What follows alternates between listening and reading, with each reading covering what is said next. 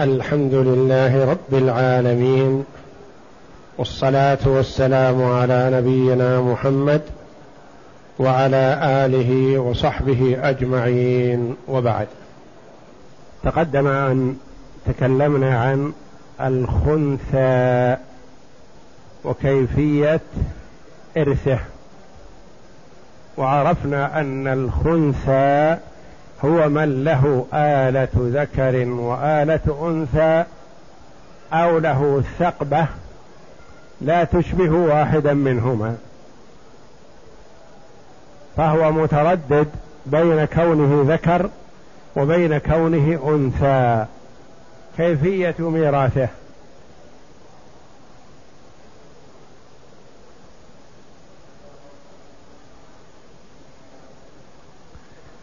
أما إذا تميز ولو أن له آلة ذكر وآلة أنثى لكن تميز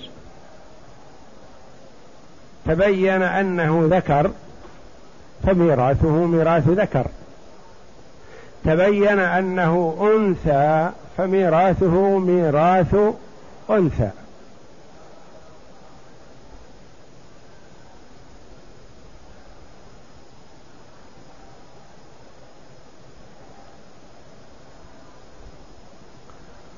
إذا فالخنثى ينقسم إلى قسمين. خنثى مشكل وخنثى غير مشكل. خنثى غير مشكل تميز. مبدأه خنثى ثم تميز بأن أصبح ذكر أو أصبح أنثى. هذا ميراثه حسب ما آل إليه. النوع الثاني خنثى مشكل. خنثى مشكل بأنه لا يزال ما تميز. ثم هذا الخنث المشكل ينقسم إلى قسمين. يرجى انكشاف حاله أو لا يرجى انكشاف حاله. يرجى انكشاف حاله هذه حال. لا يرجى انكشاف حاله. هذه حال أخرى.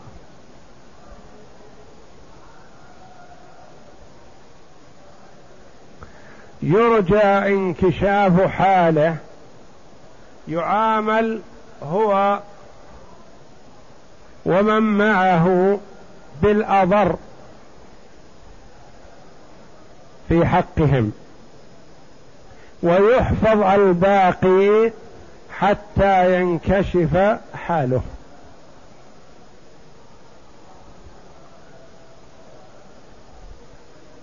لا يرجى انكشاف حاله. هذه لها حال أخرى طريقة أخرى. اولا خنثى مشكل وغير مشكل. فغير المشكل هو من آل إلى الذكورية أو إلى الأنوثية. وهذا وإن كان في جسمه وبدنه فيه شيء من علامة الذكورية وعلامة الأنوثية لكنه تميز.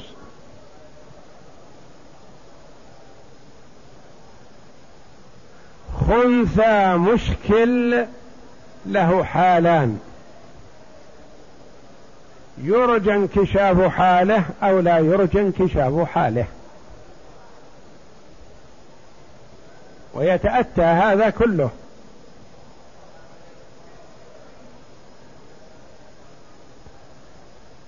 تقريبه للأذهان.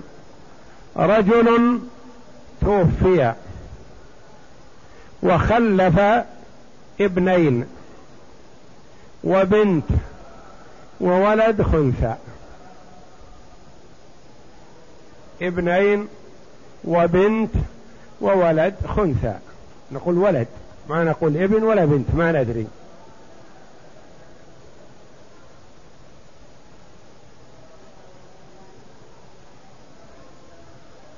الولد الخنثى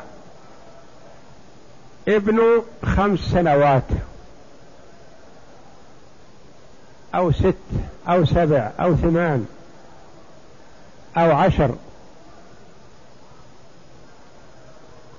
إخوته يقولون أعطونا نصيبنا مما خلفه أبونا. نقول لكم لهم أخوكم هذا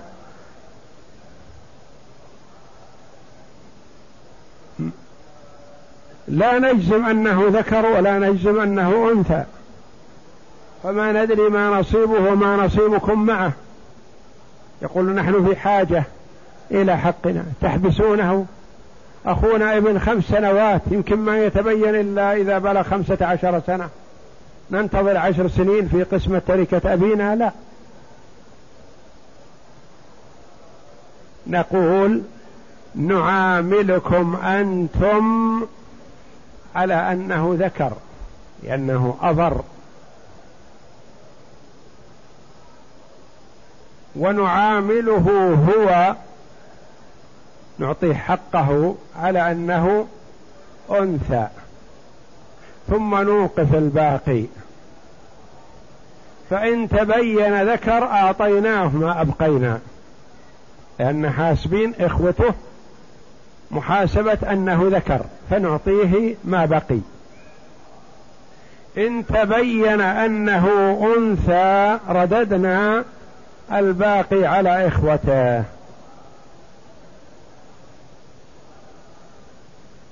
هذه حال. الحال الثانية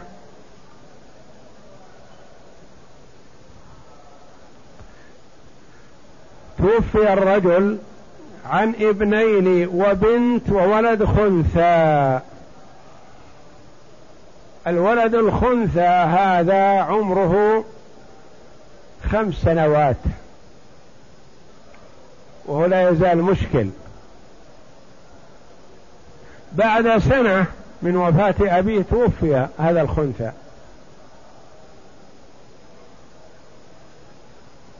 هذا نسميه خنثى مشكل لا يرجى انكشاف حاله مات. فكيف نعامله في تركة أبيه على أنه ذكر؟ نكون أجحفنا بإخوانه. نعامله على أنه أنثى نكون أجحفنا به هو. ومن يرثه والآن له وارث. وليس إخوته كلهم يرثونه لو كانوا كلهم على حد سواء ما في مشكل. ذهبنا وتط... وفتشنا صفحات إلى باب المناسخات وكأنه غير موجود. لكن له شقيق وله لأب وله أم أو له جدة أباعد يريدون حقهم. فكيف نعامله مع إخوته وقد مات؟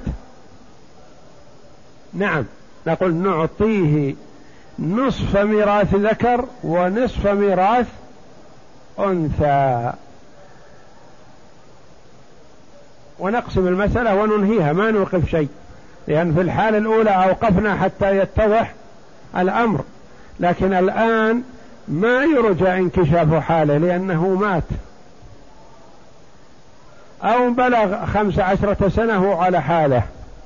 ما تميز لا ذكر ولا أنثى. ما يرجى انكشاف حاله فنعطيه نصف ميراث ذكر ونصف ميراث أنثى.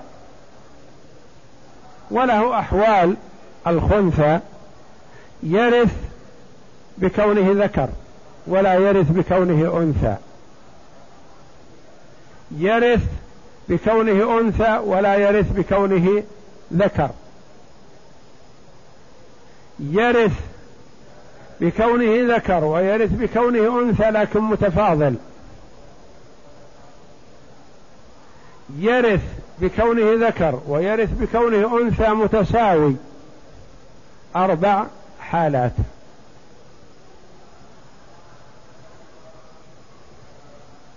وفي كل من هذه الأحوال يرجى انكشاف حاله أو لا يرجى انكشاف حاله. هذا ما سنعرفه الآن إن شاء الله. اقرأ من السؤال كم أقسام الخنثى؟ بسم الله الرحمن الرحيم. قال المؤلف رحمه الله كم أقسام الخنثى؟ ينقسم إلى قسمين مشكل وغير مشكل. فغير المشكل من ظهرت فيه علامات الرجال أو النساء. وحكمه في إرثه وسائر أحكامه حكم ما ظهرت علاماته في علاماته فيه. والذي لا علامة فيه مشكل. هذا الأول لا إشكال فيه. خنثى غير مشكل. هذا كأنه كأن لم يكن خنثى. ما دام أنه ذهب الإشكال وزال فيعامل معاملة من انصاع إليه ذكر أو أنثى هذا غير مشكل. الحالة الثانية خنثى مشكل. والخنثى المشكل ينقسم إلى قسمين. يرجى انكشاف حاله أو لا يرجى انكشاف حاله. نعم. أما غير المشكل فلا دراسة له في باب الفرائض. ما عندنا في إشكال. هذا كغيره. إنما في باب الفرائض عندنا الخنثى المشكل الذي يرجى والذي لا يرجى. نعم. كم حالة للخنثى المشكل؟ وما حكم إرثه وإرث غيره معه بحسب اختلافها؟ للخنثى المشكل حالتان. حالة يرث اتضاح حاله. حالة يرجى اتضاح حاله. وحالة لا يرجى. الحالة الأولى إن كان يرجى انكشاف حاله وهو الصغير عومل هو ومن معه من الورثة بالأضر. فيعطى ما يرثه على كل تقدير. ومن سقط به في إحدى الحالتين لم يعط شيئا. وكان يسقط في إحدى الحالتين ما يعطى شيء يحفظ. ثم إذا تبين إن كان يسقط رد على الورثة غيره وإن كان لا يسقط أخذه. ويوقف الباقي حتى يبلغ فتظهر, فتظهر فيه علامات الرجال أو النساء. الحالة الثانية ألا يرجى انكشاف حاله بأن يموت صغيرا أو بلغ بلا أمارة فله أربع حالات. الأولى أن يرث بكونه ذكرا فقط فيعطى نصف ميراث ذكر. مثاله زوج وبنت وولد وولد أخ خنثى. تصح المسألة من ثمانية. لأن مسألة الذكورية من أربعة ومسألة الأنوثة من أربعة متماثلات فنكتفي بأحد بإحداهما فنضربها في الحالين يحصل ما ذكر. للزوج سهمان وللبنت خمسة وللخنثى واحد. انتبه لهذه المسألة.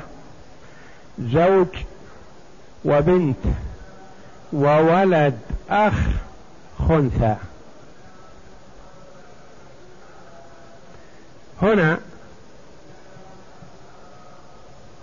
خنثى مشكل. لا يرجى انكشاف حاله. لو كان أنثى ما ورث لأنه يكون بنت أخ وبنت الأخ ما ترث. إن كان ذكر صار ابن أخ صار عاصب. فنقول المسألة مسألة الذكورية من أربعة. للزوج الربع واحد وللبنت النصف اثنان والباقي لابن الأخ هذا الذي وذكر وإن كان أنثى قلنا المسألة كذلك من أربعة. للزوج الربع واحد وللبنت الباقي ثلاثة فرضا وردا. وهذا الخنثى ما ليس له شيء لأنه بنت أخ وبنت الأخ ما ترث. نظرنا بين مسألة الذكورية ومسألة الأنوثية. مسألة الذكورية من أربعة. ومسألة الأنوثية كذلك من أربعة. نظرنا بين المسألتين وجدناهما متماثلتين أربعة وأربعة. اكتفينا بأحدهما. ضربناها في حال في الحالتين حال الذكورية وحال الأنوثية. فقلنا أربعة في اثنين ثمانية وهذه الجامعة. جامعة للمسألتين. نعطي الزوج الزوج نقسم الجامعة إذا أردنا أن نقسم التركة الجامعة عندنا ثمانية الآن. نقسمها على على المسألتين على كل مسألة. نقسمها على الأربعة ينتج فيها اثنين. نقسمها على الأربعة الأخرى ينتج فيها اثنين. هذه الاثنين تسمى جزء السهم. نقول للزوج واحد من مسألة الذكورية في اثنين باثنين. وله واحد من مسألة الأنوثية في اثنين باثنين.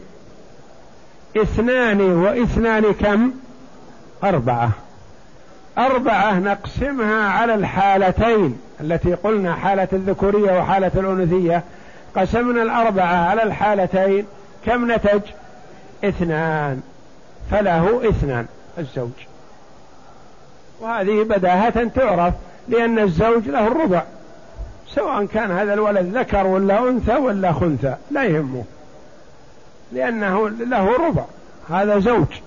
لهذه المرأة له ربع تركتها فيأخذ اثنين من أربعة من ثمانية اثنين من ثمانية الربع. الفرق عندنا في البنت.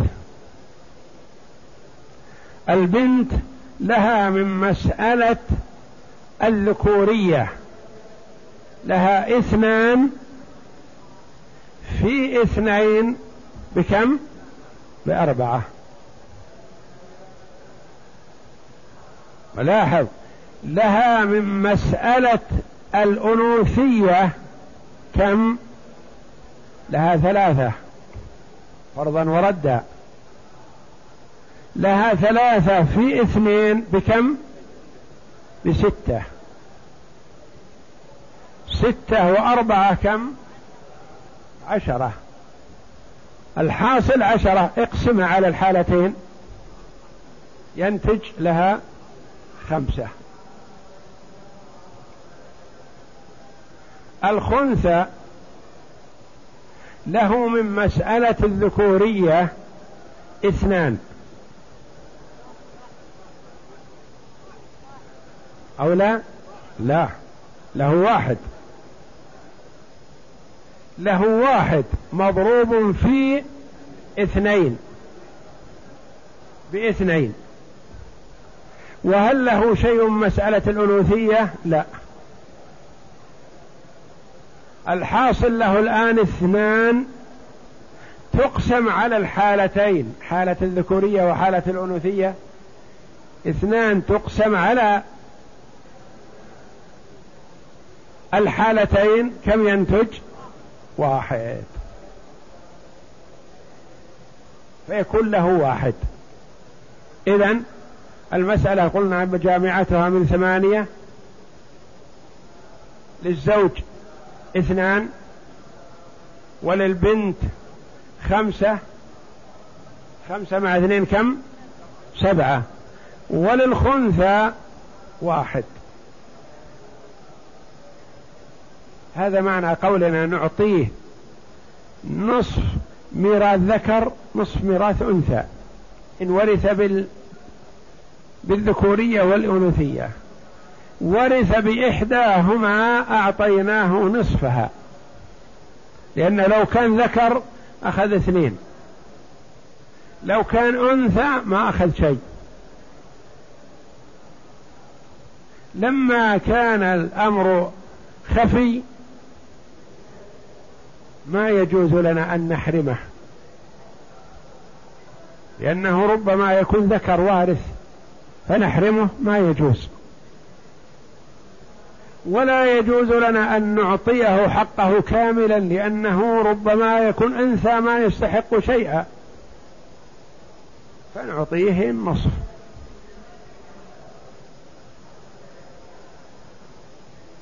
نعم.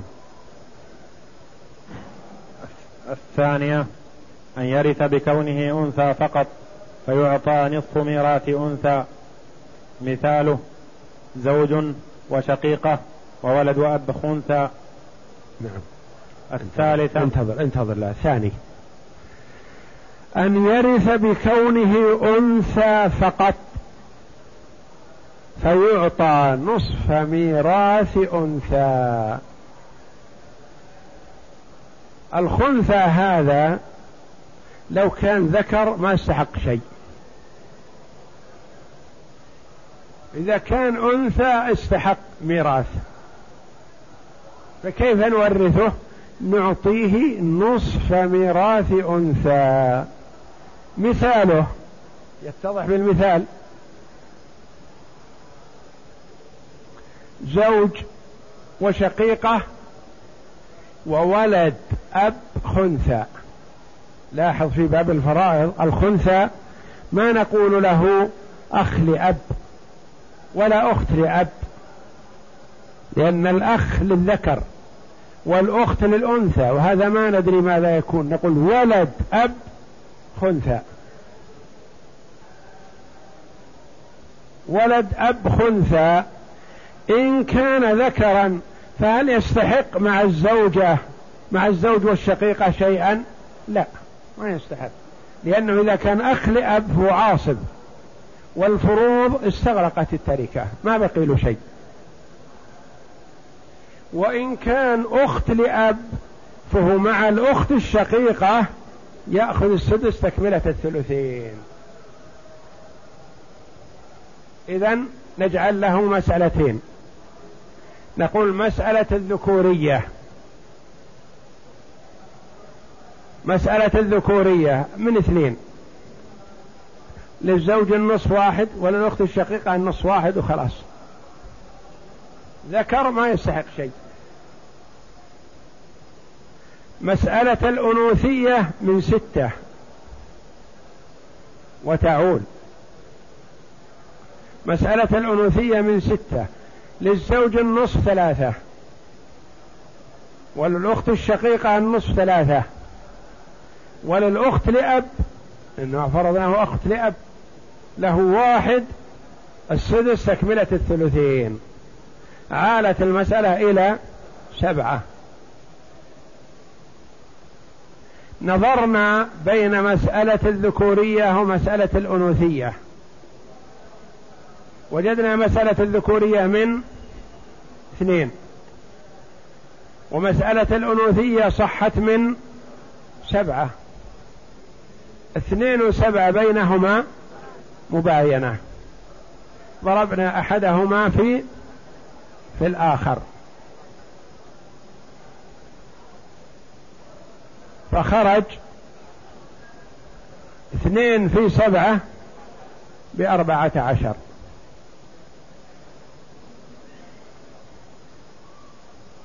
هذه الجامعة إذا كان يرجى انكشاف حاله.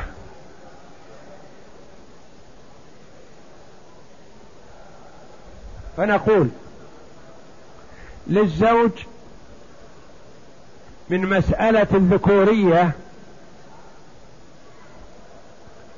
واحد في سبعة لأن يعني مضروب في مسألة الأنوثية بسبعة.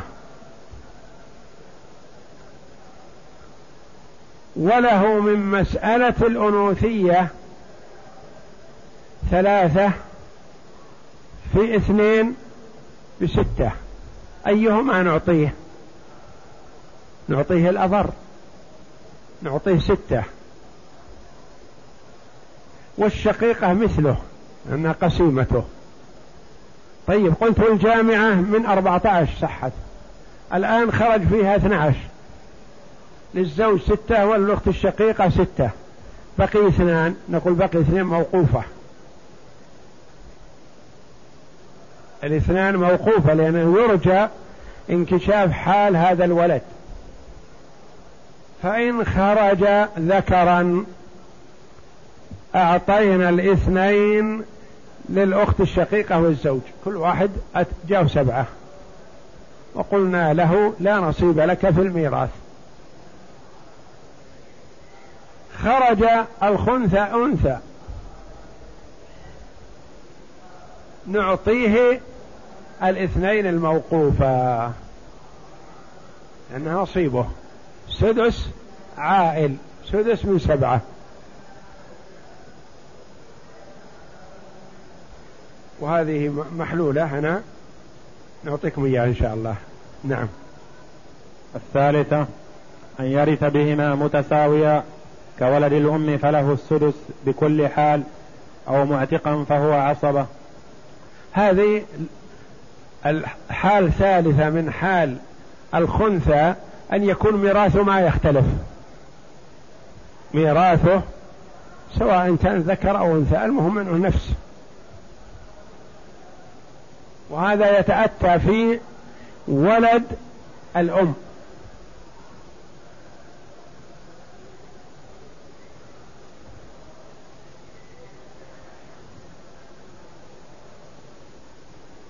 هلك هالك نفس المسألة السابقة مثلا عن زوج وشقيقة وولد أم خنثى.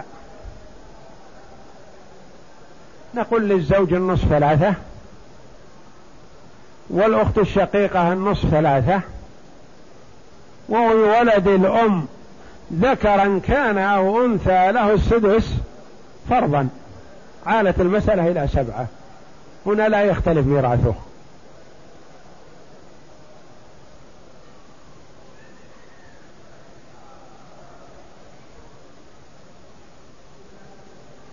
وكذا إذا كان عاصب كأن يكون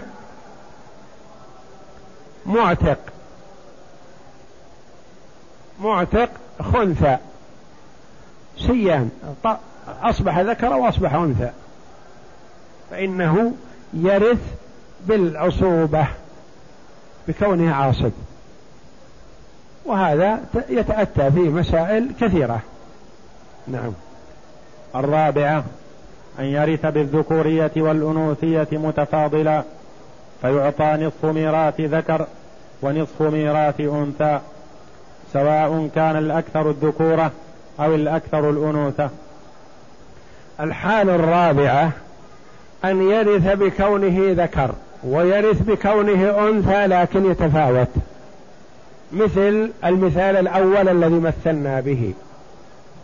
كأن يكون ولد للميت خنثى هو في كل حال يرث. أصبح ذكرا يرث سهمين مع إخوته. أصبح أنثى يرث سهم مع إخوته. فلا يخلو إن كان يرجى انكشاف حاله أعطي الأضر وهو كونه أنثى. وإن كان لا يرجى انكشاف حاله أعطي نصف ميراث ذكر ونصف ميراث أنثى كما هي ممثل عندنا في الأوراق هذه. نعم. ما هي صفة العمل صيغة العمل في الحالتين؟ انتبه. صفة العمل في الحالتين. يعني حالة رجاء انكشاف حاله وحالة لا يرجى انكشاف حاله وكلها سهلة واضحة والحمد لله. نعم اقرأ. صفة العمل إذا كان الخنثى واحد أن تجعل مسألتين مسألة ذكورية ومسألة أنوثية وتنظر بينهما بالنسب الأربع. فإن تنظر بينهما بالنسب الأربع يعني تصحح مسألة الذكورية ثم تصحح مسألة الأنوثية ثم تنظر بين المسألتين بالنسب الأربع. ما هي النسب الأربع؟ التماثل أو التداخل أو التوافق أو التباين. هذه النسب الأربع. التماثل أربعة وأربعة خمسة وخمسة ستة ستة سبعة سبعة هكذا. هذا تماثل. تداخل اثنين وأربعة. أربعة وثمانية. أحدهما داخله ضمن الأخرى. التوافق أربعة وستة. ستة وثمانية. بينهم اتفاق في جزء من الأجزاء. ثلاثة وتسعة ثلاثة وتسعة تداخل. ستة وتسعة بينهما توافق. التباين اثنان وثلاثة. ثلاثة وأربعة. أربعة وخمسة. خمسة وستة. ثلاثة وسبعة يعني ما تتفقان في جزء من الأجزاء. إن كان تداخل اكتفيت بالأكبر. إن كان توافق ضربت وفق أحدهما في كامل الآخر. إن كان تباين ضربت أحدهما في الآخر. والناتج من هذه العملية هو الجامعة. الجامعة للمسألتين مسألة الذكورية والأنوثية. نعم. وتنظر بينهما بالنسب الأربع فإن تماثلتا اكتفيت بأحدهما وإن تداخلت اكتفيت بأكبرهما أو توافقتا ضربت وفق أحدهما في كامل الأخرى أو تباينتا ضربت إحداهما في الأخرى فما تحصل فهو الجامعة. ثم تقسم ثم تحصل فهو الجامعة. هذا الناتج من هذه العملية يصير جامعة للمسألتين. ثم يقسم على مسألة الذكورية والناتج هو جزء سهمها. يقسم على مسألة الأنوثية والناتج هو جزء سهمها. نعم.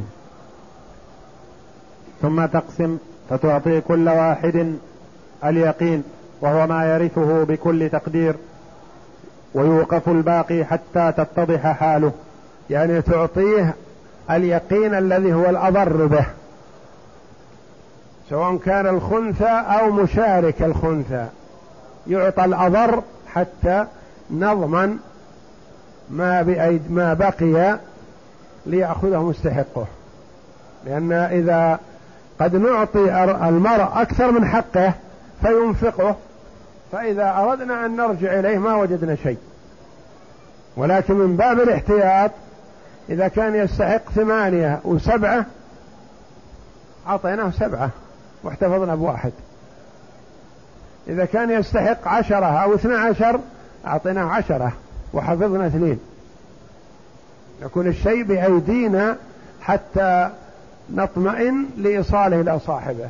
فإن كان هو صاحبه أعطيناه إياه. وإن كان صاحبه غيره أعطيناه غيره. وكذلك الخنثى. إن كان يستحق ثلاثة في مسألة وأربعة في مسألة أخرى نعطيه الثلاثة ونحتفظ بواحد. وهكذا نعم. مثال المباينة. أن يموت شخص عن ثلاثة بنين وولد خنثى فمسألة الذكورية الذكورية من أربعة ومسألة الأنوثية من سبعة وبين المسألتين مباينة. هذه الموضوعة في الجدول تحت. خلف ثلاثة بنين ذكور وولد خنثى. ما ندري هو يكون ذكر ولا يكون أنثى. نعم. فمسألة الذكورية من كم؟ من أربعة لأنهم أربعة ذكور. ومسألة الأنوثية من سبعة لأن ثلاثة ذكور وأنثى. تصير مسألتهم من سبعة. نعم. وبين المسألتين مباينة. فنضرب إحداهما في الأخرى فتصح الجامعة. بين الاثنين بين الأربعة والسبعة تباين. الأربعة والسبعة ما بينهما اتفاق في شيء. فتضرب الأربعة في السبعة فينتج ثمانية وعشرون. هذه الجامعة. نعم. فتصح الجامعة من ثمانية وعشرين ثم نقسم.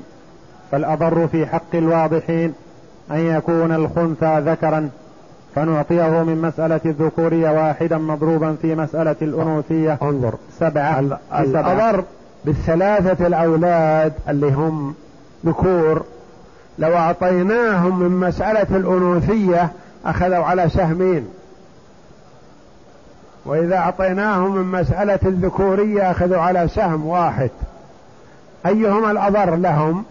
نعطيه مسألة الذكورية لأنه أضر لهم أن يكون أخوهم هذا مثلهم. فنعطيهم من مسألة الذكورية واحد في سبعة بسبعة. واحد مضروب في مسألة الأنوثية. الخنثى الأضر في حقه أن يكون أنثى لأنه يأخذ عن النصف. فإذا أعطيناهم مسألة الذكورية ساوى إخوته وربما يكون دونهم. فنعطيه الأضر في حقه فنقول له واحد في أربعة بأربعة. فأعطينا الذكور على سبعة وأعطينا الخنثى أربعة. واحتفظنا بكم. انظر عندنا الجامعة ثمانية وعشرون. خذ منها سبعة وسبعة وسبعة. كم؟ واحد وعشرين. وأربعة حق الخنثى واحد وعشرين وأربعة خمسة وعشرين. كم بقي يا ترى؟ من الثمان والعشرين بقي ثلاثة.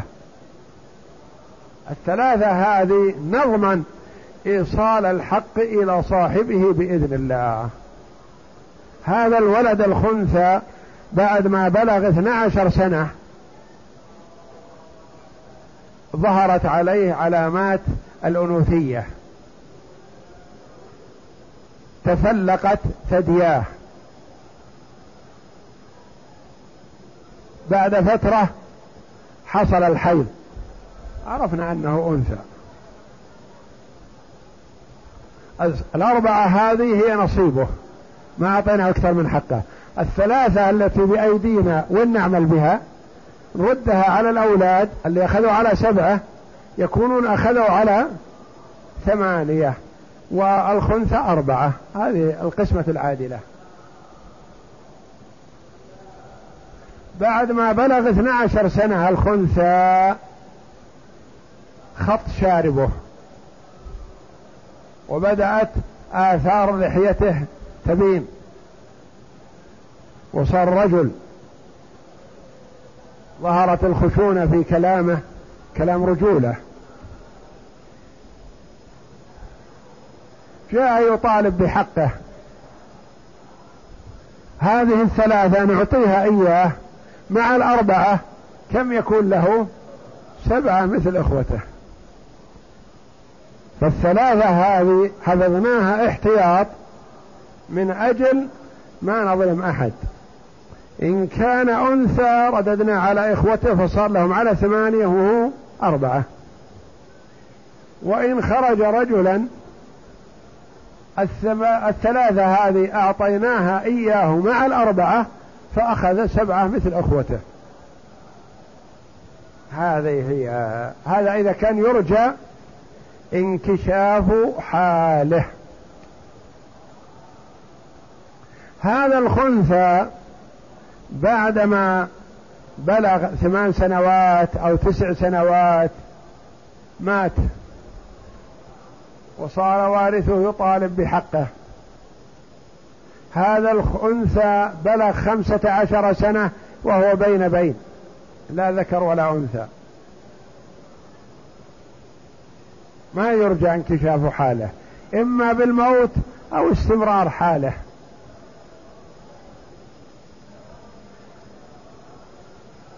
يستحي من الرجال وليس امرأة مع النساء. استمر بين بين. واستمر على هذا الوضع. لا حاضت ولا نبت شاربه. ما في علامة. استمر بين بين. يريد حقه. كيف العمل؟ العمل بسيط. لأن في هذه الحال نريد أن نعطيه نصف ميراث ذكر ونصف ميراث أنثى. تختلف عن إيقاف الثلاثة هذه. نقول الثمانية والعشرون نضربها في اثنين حالة الذكورية وحالة الأنوثية. ثمان وعشرين إذا ضربت باثنين كم يخرج؟ ستة وخمسون. ستة وخمسون. نلغي موضوع السبعة والأربعة هذه ما نحتاج إليها. نرجع. نقول الابن الأول أعطيناه نعطيه مسألة الذكورية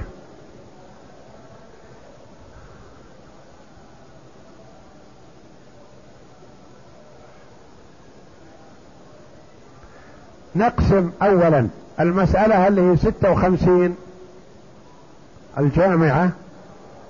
نقسمها على مسألة الذكورية ثم نقسمها على مسألة الأنوثية التي عندنا سابقا. ستة وخمسين على مسألة الذكورية من أربعة. يخرج جزء سهمي أربعة عشر. اقسم ستة وخمسين على أربعة يخرج أربعة عشر. اقسم ستة وخمسين على مسألة الأنوثية سبعة يخرج ثمانية. ثمانية في سبعة ستة وخمسين. نعطيه من كل المسألتين ثم نقسم على اثنين. نقول للابن الأول له واحد في أربعة عشر بأربعة عشر. أليس كذلك؟ له من مسألة الأنوثية اثنين في ثمانية. اثنين في ثمانية بستة عشر. ستة عشر وأربعة عشر كم هي؟ ثلاثون. نقسم الثلاثين على الاثنين على الحالتين. يخرج له خمسة عشر. الذكور الواضحون لهم على خمسة عشر. انتهينا منهم. جينا للخنثى. فقلنا له من مسألة الذكورية واحد في أربعة عشر. بأربعة عشر. احتفظ بها. وله من مسألة الأنوثية واحد في ثمانية. بكم؟ بثمانية. ثمانية وأربعة عشر المجموع اثنان وعشرون. اقسمها على اثنين على الحالتين. اثنين وعشرين على اثنين. يخرج له احد عشر فأصبح للذكور الخلص على خمسة عشر. وللخنثى إحدى عشر اجمع هذه الأفراد. انظر هل تطابق مع الجامعة ستة وخمسين؟ نعم. عندنا ثلاثة ذكور على خمسة عشر هذه بخمسة وأربعين. خمس وأربعين. وللخنثى إحدى عشر مع خمسة وأربعين ستة وخمسين. أعطيناه نصف ميراث ذكر ونصف ميراث أنثى بهذه العملية السهلة. نفس العملية السابقة التي يرجى انكشاف حاله.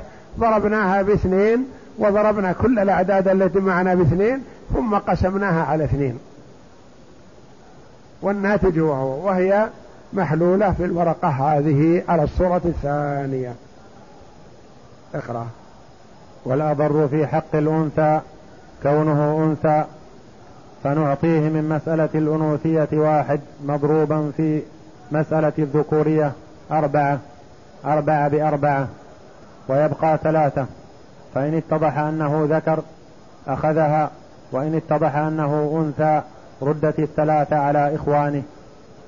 فيكون لكل واحد منهم ثمانية وله أربعة وصورتها في الجدول هكذا. هذا في الجدول التي يرجى انكشاف حاله.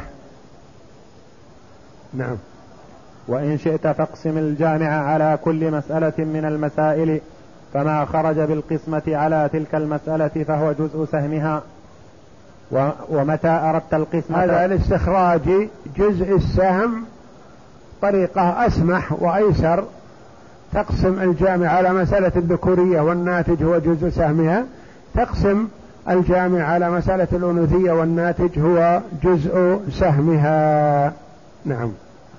ومتى أردت القسمة فاضرب جزء السهم في سهام كل وارث في المسألتين في المسألتين الخنثى وغيره ثم بعد ذلك تعطيه الأقل إن ورث بها متفاضلا. ويوقف الباقي إلى اتضاحه ففي الصورة المذكورة أعلاه نقسم الجامعة وهي ثمانية وعشرين على مسألة الذكورية وهي؟ أربع. وهي ثمانية؟ وهي ثمانية وعشرون. على مسألة الذكورية أربعة فيخرج جزء سهمها سبعة. ونقسمها على مسألة الأنوثية وهي سبعة يخرج جزء سهمها وهو أربعة. فإذا أردنا القسمة فللابن الواضح من مسألة الذكورية واحد مضروب في جزء سهمها سبعة بسبعة. وله من مسألة الأنوثية اثنان مضروب في جزء سهمها أربعة بثمانية فنعطيه الأقل وهو سبعة. وللخنثى من مسألة الذكورية واحد مضروب في جزء سهمها سبعة بسبعة وله من مسألة الأنوثية واحد مضروب في جزء سهمها أربعة بأربعة فنعطيه الأقل وهو أربعة. ويوقف الباقي إلى اتضاح حال الخنثى. هنا. هذه صورة. زوجة وبنت وولد أخ خنثى. يرث بالذكورية فقط. وهذه في خلف الورقة.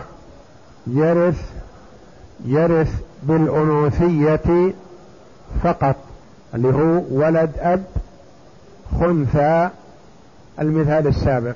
يرث بهما متفاضلا. ابن ابن بنت خنثى. يعني ولد خنثى. لأنها المسألة فيها أبناء فهو مثلهم ولد خنثى. مسألة الذكورية من سبعة ومسألة الأنوثية من ستة. بين السبعة والستة مباينة. نضرب إحداهما في الأخرى. سبعة في ستة باثنين وأربعين. نعطيهم في هذه الحال الأضر. فنعطي الأخوة الأبناء الخلص الذكورية نعطيهم من مسألة أن أخاهم ذكر لأنه أضر لهم. فنقول للابن الأول اثنين في ستة اللي هي مسألة الأنوثية باثنى عشر. والابن الثاني مثله. وللبنت واحد في ستة بستة. وللولد الخنثى على أساس أن اعتبرناه ذكر في هذه المسألة له اثنان في ستة مسألة الأنوثية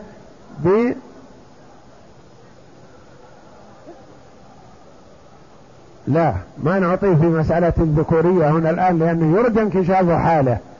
نعطيها الأضر فنعطيه مسألة الأنوثية. فنقول له واحد في مسألة الأنوثية مضروبا في مسألة الذكورية سبعة له سبعة. والموقوف كم؟ خمسة. لأن الجامعة الأولى اثنين وأربعين. أخذ الابن الأول اثنى عشر. وأخذ الابن الثاني اثنى عشر وأخذ البنت ستة. كم صارت؟ اثنا عشر واثنا عشر أربعة وعشرين. وستة ثلاثين. وأخذ الخنثى سبعة. سبع وثلاثين. سبع وثلاثين والجامعة اثنين وأربعين. كم بقي خمسة. إن أصبح ذكر أعطيناه الخمسة مع السبعة يكون مثل إخوته اثنى عشر إن أصبح أنثى أعطينا الأخوين على اثنين. يصير لهم على أربعة عشر. وأعطينا البنت الصريحة واحد صار له سبعة. والخنثى أخذ نصيبه من أول. على أساس أنه تبين أنثى أخذ سبعة. على الحالة الثانية عدم انكشاف حاله ضربنا على اثنين واربعين في اثنين صحة الجامعة من أربعة وثلاثين من أربعة وثمانين. أخذ الأبناء الخلص على ستة وعشرين. وأخذت البنت الواضحة ثلاثة عشر على النصف من إخوتها. وأخذ الخنثى تسعة عشر. نصف ميراث ذكر ونصف ميراث أنثى ولا يبقى شيء موقوف. وهذه أمثلة يرجى انكشاف حاله ولا يرجى انكشاف حاله. هلك هالك. عن ابن وخنثى. يرجى انكشاف حاله. أن يحلها. مسألة الذكورية من اثنين. لكل واحد واحد. مسألة الأنوثية من ثلاثة. للذكر اثنان وللأنثى واحد. مسألة الأنوثية الذكورية من اثنين ومسألة الأنوثية من ثلاثة. ننظر بينهما. مباينة. نضرب اثنين في ثلاثة. بكم؟ ستة. هذه الجامعة. الأضر في حق الذكر. أن نجعل الخنثى ذكر أم أنثى؟ الأضر في حقه أن يكون ذكر. نعطيه من مسألة الذكورية. نعطي الذكر من مسألة الذكورية واحد في مسألة الأنوثية التي هي ثلاثة. واحد في ثلاثة بثلاثة. أعطينا الذكر الخالص ثلاثة. الأضر في حق الخنثى نعتبره أنثى. نعطيه من مسألة الأنوثية له واحد في اثنين مسألة الذكورية باثنين. كم بقي معنا من الستة؟ بقي معنا واحد. احتياط. إن أصبح أنثى لمن نعطي هذا الواحد؟ نعطيه للذكر. مع الثلاثة يصير أخذ أربعة والخنثى أخذ اثنين. إن تبين أنه ذكر أعطيناه الخنثى يكون أخذ من قبل اثنين واحد ثلاثة مثل أخيه اللي أخذ ثلاثة من أول. هذا يرجى انكشاف حاله. نفس المسألة لا يرجى انكشاف حاله. نضرب الستة في الحالتين. فصح الجامعة من اثني عشر. من اثني عشر. نعطيهم. نعطي الذكر الخالص. له من مسألة الذكورية واحد مضروب في مسألة الأنوثية ثلاثة. لا. المسألة قلنا اثنى عشر. اثنى عشر نقسمها على مسألة الذكورية اثنين. كم يكون جزء سهمها؟ ستة. الله أكبر.